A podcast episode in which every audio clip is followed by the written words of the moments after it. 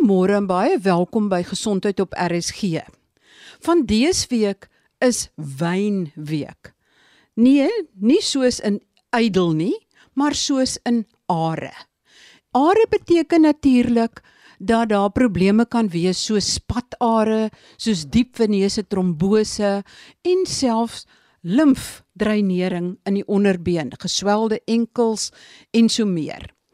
Daar is beslis 'n paar dinge wat daaraan gedoen kan word en daar's baie mense wat spatare en ander probleme ontwikkel wat te doen het met jou bloedvate.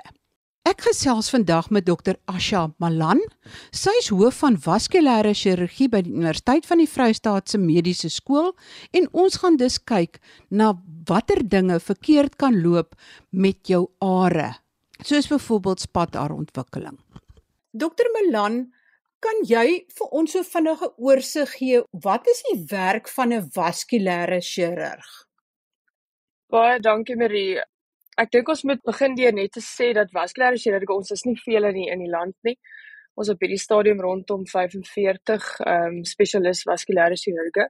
Bloemfontein is ons slegs 2 en ek is tans die enigste een wat in privaat diens lewer. En ek dink om te begin is ons fokus hoofsaaklik maar op die behandeling van siektes wat die bloedvate affekteer. En dit sluit natuurlik in die arteries of die slagare asook die venas, oftewel die are en dan ook die limfatiese stelsel. En die siektes wat dit affekteer is uiteraard baie wye veld en dit is gewoonlik waarop ons ons behandeling fokus. Noem vir ons van die probleme, van die dinge wat verkeerd kan loop wat dan in julle hande beland. Hoofsaaklik sou ek sê die meerderheid van ons patologie is die uh, siektes van die arteries of die slagare maar wat nou deesdae meer na vore kom en wat ons beskou as wat ons noem 'n lewenskwaliteit bedreigende siekte is onder andere kroniese venese ontoereikendheid. Ehm um, dis 'n vreeslike groot woord, maar baie mense is meer bekend daarmee as uh, onder andere spatare as ook siektes wat die limfatiese stelsel affekteer. Nou hoewel hierdie toestande nie soseer lewens of ledemaat bedreigend is soos al arteriële eweknie nie, is dit soos ek genoem het bedreig dit die lewenskwaliteit van 'n pasiënt en het ook 'n massiewe ekonomiese impak op ons uh, gesondheidsorgvoorsiening. In werklikheid word ongeveer 2% van ons globale jaarlikse gesondheidsorgbegroting spandeer aan die behandeling van onder andere slegs kroniese venese ontoereikendheid. Wat dit maar hoofsaaklik behels is 'n baie wye veld van toestande wat pasiënte onder andere simptome ervaar van swaar pynlike bene.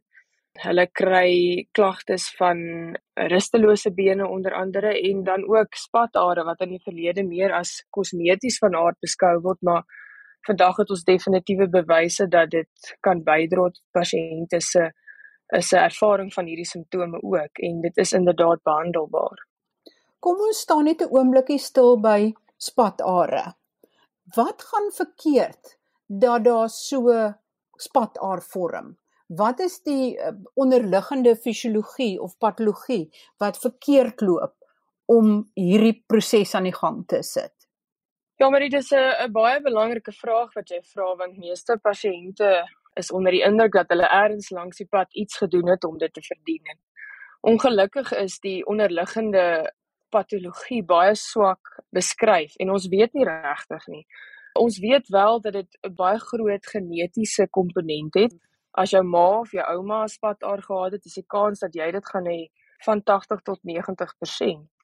En wat onder andere plaasvind is vir een of ander onverklaarbare rede word jou are wat bloed terugvoer na die hart, die wat baie oppervlakkig voorkom onder die vel, ondervind verwyding, dilateer. Gevolglik begin die kleppe wat in die haar voorkom wat die eenrigting bloedvloei moet bewerkstellig word dan inkompetent. So die kleppe funksioneer nie meer nie. Hierdie are word inderdaad al hoe groter, al hoe wyer en kan 'n uh, kosmetiese probleem veroorsaak, maar inderdaad ook vir pasiënte baie ongemak veroorsaak. Nou wat is die gevaar daarvan as die bloed nie kan terugkeer van jou bene af terug na jou hart toe nie? Ja, soos ek genoem het, hierdie toestand is nie regtig ledemaat bedreigend nie maar dit kan vir pasiënte baie ongemak veroorsaak en een van die belangrikste uh komplikasies van spatare is maar éventueel kan hulle 'n wonde ontwikkel om hulle enkels wat baie moeilik genees. Dit is 'n probleem wat baie pasiënte ervaar en word gemisdiagnoseer dan uh, en ongelukkig word die wond verkeerlik behandel vir 'n geruime tyd voordat die onderliggende oorsaak aangespreek word. En uh, hierdie kan vir pasiënte impak op hulle lewenskwaliteit veroorsaak. Hulle uh, kan depressief raak, hulle kan tyd by die werk moet afneem, uh, word minder effektief in hulle werksomgewing, uh, het gedurig pyn en ongemak, gedurende wond wat sleg ruik, uh, wat behandeling benodig en Uh, dit is deel van die redes hoekom dit so massiewe ekonomiese impak ook het. Nie net het pasiënte behandeling nodig nie, maar hulle is ook nie meer dis nie meer moontlik vir hulle om bydra te lewer tot die werksomgewing nie wat uiteraard hierdie 'n groot probleem maak. Hoe behandel julle dit? Wat is die oplossing? Ek dink dit is belangrik om te noem voorens ons 'n behandelingsplan beraam vir 'n pasiënt, is dit uiters belangrik dat hulle 'n dokter sien wat 'n volledige geskiedenis en ondersoek uitvoer om seker te maak dat die pasiënt se klagtes wel inpas met die onderliggende diagnose. Daar is pasiënte met spatare wat geen behandeling nodig het nie. So 'n spataar word slegs oorweeg vir behandeling indien dit vir die pasiënt beduidende ongemak veroorsaak of as dit 'n kosmetiese klagte word. Ek dink die kliniese evaluasie word dan baie belangrik om seker te maak die simptome pas in met die spataar. En dan word dit gevolg met 'n sonar ondersoek wat ons in staat stel om die onderliggende probleem uh, mooi te kan identifiseer en te kan uitstipuleer. Seker te maak dat dit wel die kleppe is wat die probleem is. Wanneer ons die probleem gedefinieer het, kan ons dan vir die pasiënt verskeie behandelingsopsies aanbied. Uh ons begin gewoonlik maar met uh kompressie. Dit is uh met behulp van spesiale drukkouse. En dit is eintlik sentraal ter behandeling van spatare. Ek dink dit is belangrik om te noem dat hierdie drukkouse nie die is wat jy sommer kan koop by jou plaaslike apteek nie, maar dit moet spesiaal voorgeskryf word um deur jou chirurg. Die ander behandelingsopsies wat ons kan aanbied, ehm um, hang af natuurlik watse tipe spatare, is dit die groot bultende spatare of is dit die kleintjies wat van kosmetiese belang is? Daar is verskeie tegnieke beskikbaar. Ons deesdae fokus ons hoofsaaklik wat ons noem endovenese behandeling.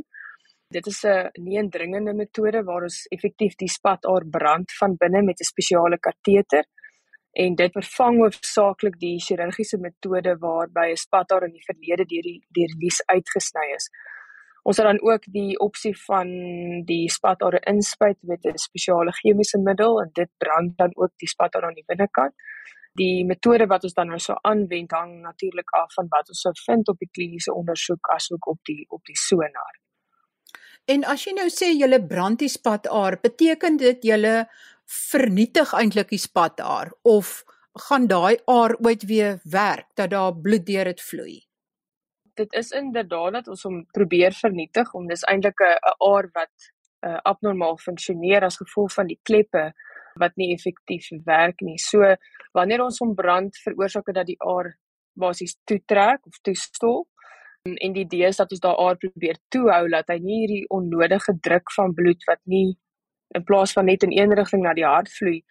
Wanneer daar skade aan die kleppe is, vloei bloed in beide rigtings en dit veroorsaak dat die bloed soort van poel om die pasiënt se enkel en dit het gevolglik hierdie swaar gevoel en kan selfs dan aanleiding gee tot die wonde. So hierdie kolom van bloed wat éventueel die komplikasies veroorsaak, wil ons vernietig en dit is dan waar die spataar sy plek het. En as mens die spataar aanspreek, spreek mens dan die onderliggende uh probleem aan wat hierdie druk wat ophoop rondom die enkel.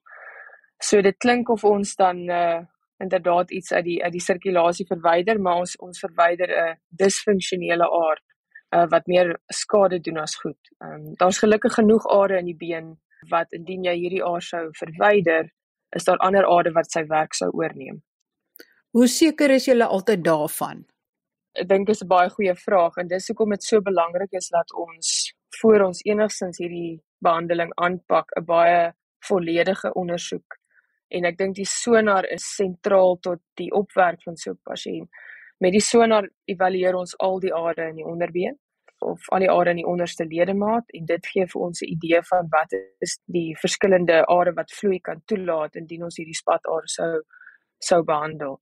So dit is 'n 'n baie belangrike ding om uit te sorteer en, en aan te spreek alvorens mens met 'n behandelingsplan na vore kom.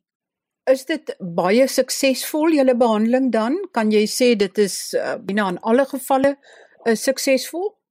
Ek sou nie sê dit is 100% suksesvol nie. Dit is 'n 'n tegnologie wat nog in ontwikkeling is, maar alreeds sou ek sê vir die afgelope dekade baie effektief toegepas word dink jou pasiënt seleksie voor die tyd is baie belangrik en dis hoekom jou jou geskiedenis, jou ondersoek en jou sonar ondersoek so sentraal is. Jy moet die regte behandeling kies vir die regte pasiënt.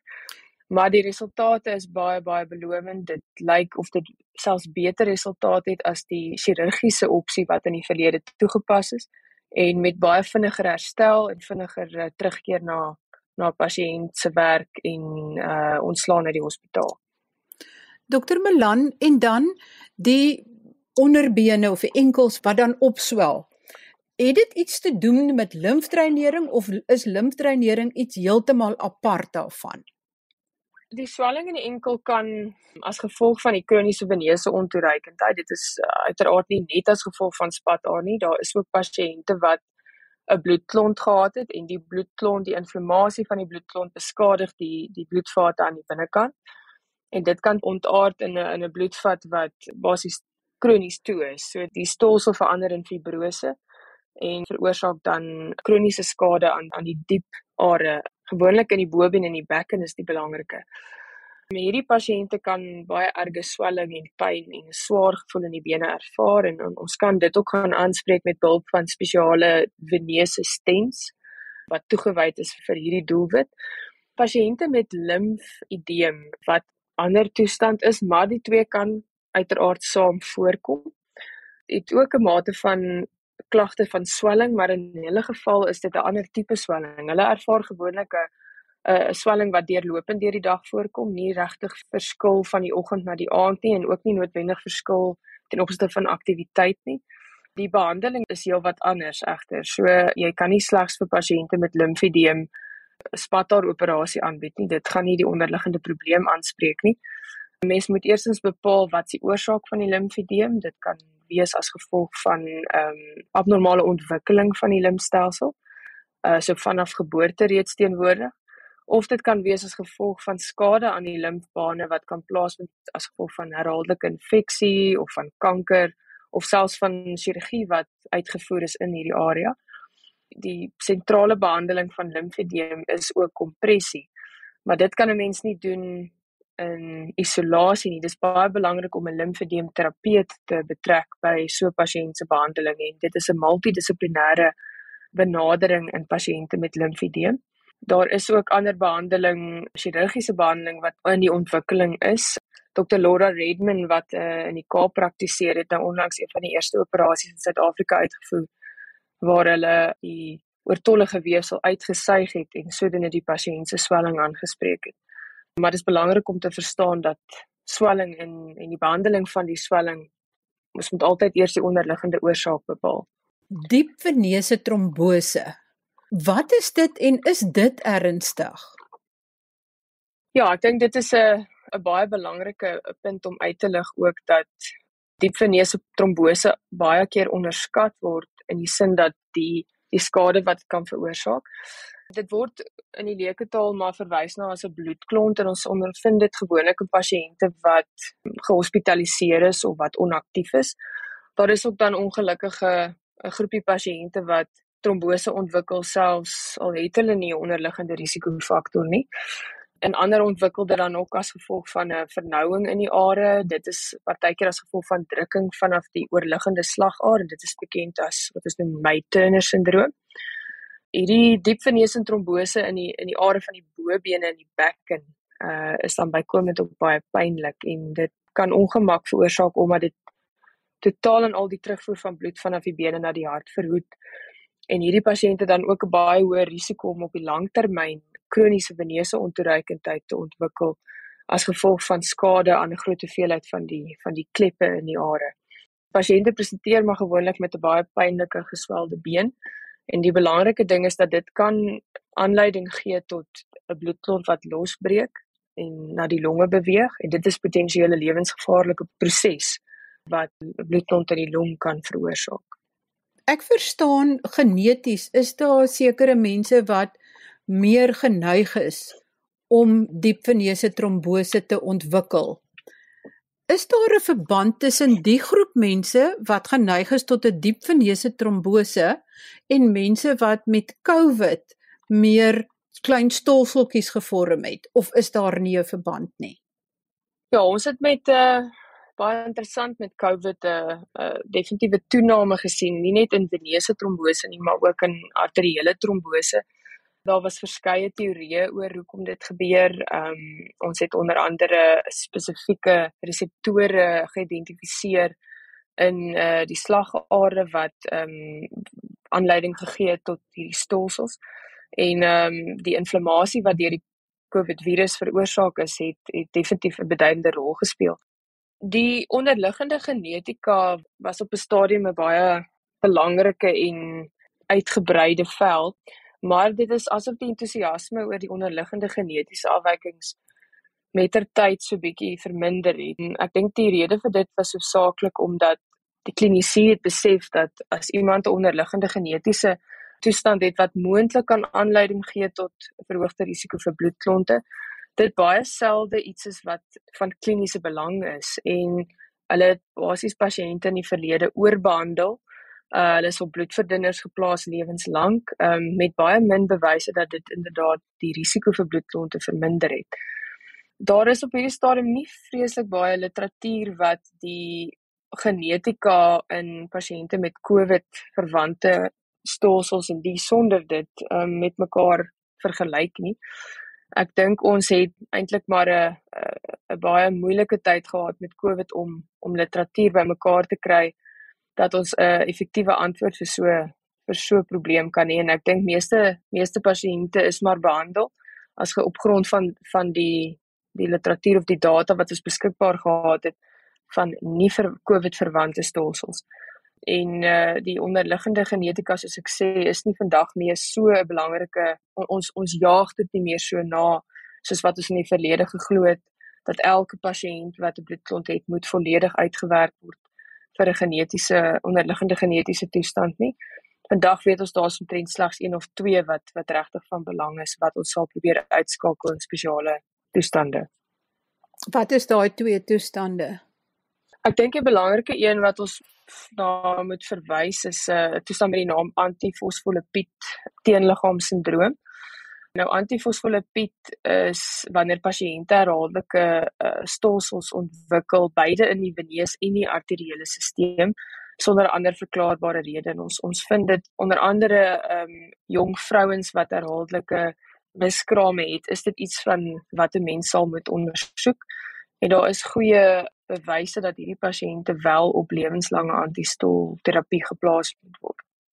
Daar is hier en daar 'n uh, genetiese afwyking soos wat ons noem faktor 5 lyding wat ook kan bydra, maar op hierdie stadium word dit nie aanbeveel dat mens pasiënte met dit anders behandel as iemand wat net 'n uh, trombose ontwikkel het onder ander omstandighede nie.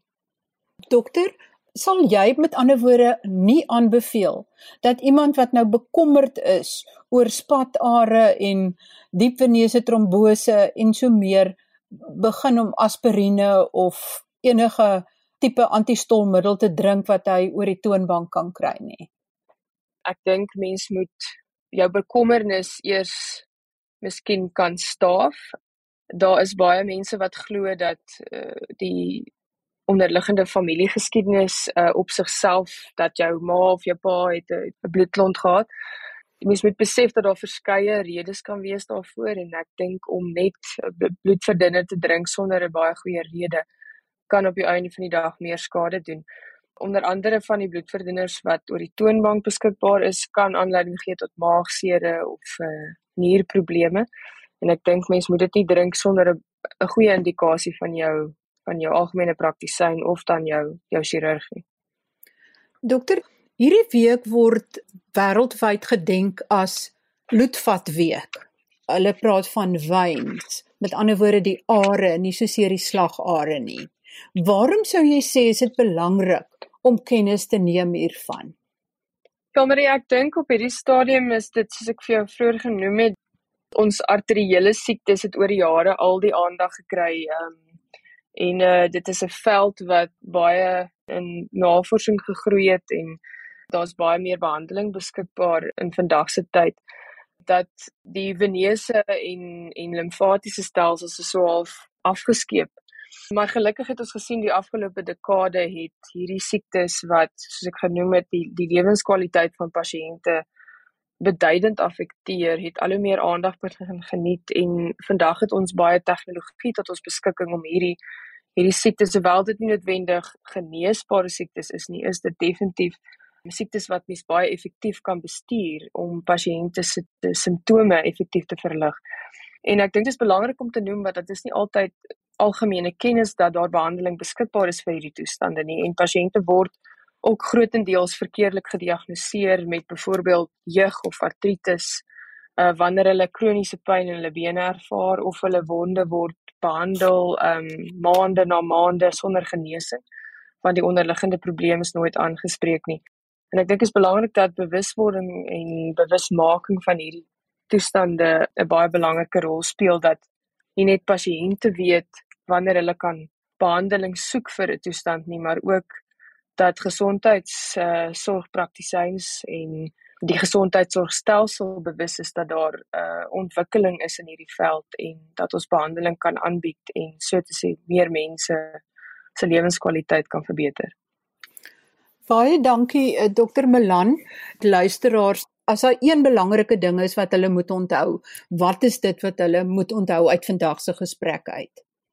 Dankie Marie. Ag, ek dink ons fokus is hier dat uh ek leer altyd vir my studente dat uh, die veld van vaskulêre chirurgie is ongelooflike 'n uh, mooi veld want daar is nie 'n uh, gedeelte in die liggaam wat nie deur 'n bloedvas voorsien en gedreineer word nie en ek dink as mense mooi na hulle are kyk is dit een van die gedeeltes wat 'n lewenskwaliteit en lewensverwagting die meeste kan beïnvloed. Ek is 'n uh, uh, uitvoerende komitee lid van die Suid-Afrikaanse Limfatiese Venese Vereniging. Ek sal graag mense wil aanbeveel om op ons webtuiste by www.sa.lvs of salves.org uh, in te skakel. Daar is heelwat inligting uh, vir pasiënte oor hierdie tipe siekte toestande en ons kan jou ook in kontak plaas met uh, jou naaste vaskulêre chirurg of wondsorgsuster of limfedeemterapeut. Pasiënte moet uh, die kans aangryp dat ons vir hulle die regte behandeling kan aanbeveel. Baie dankie aan dokter Asha Malan hoof van vaskulêre chirurgie aan die Universiteit van die Vrystaat en besoek gerus daardie webwerf wat sy genoem het en gaan kyk op rsg.co.za want die agtergrondinligting as ook die skakel na hierdie webwerf is daarop gelaai. Volgende week gesels ek weer gesondheidsake en daar's 'n paar baie interessante gesprekke wat op julle wag. Een is byvoorbeeld 'n verdere gesprek met professor Tes van der Merwe oor die uitwerking van eetlusdempers op jou metabooliese stelsel. Tot volgende week dan. Baie groete van my, Marie Hudson.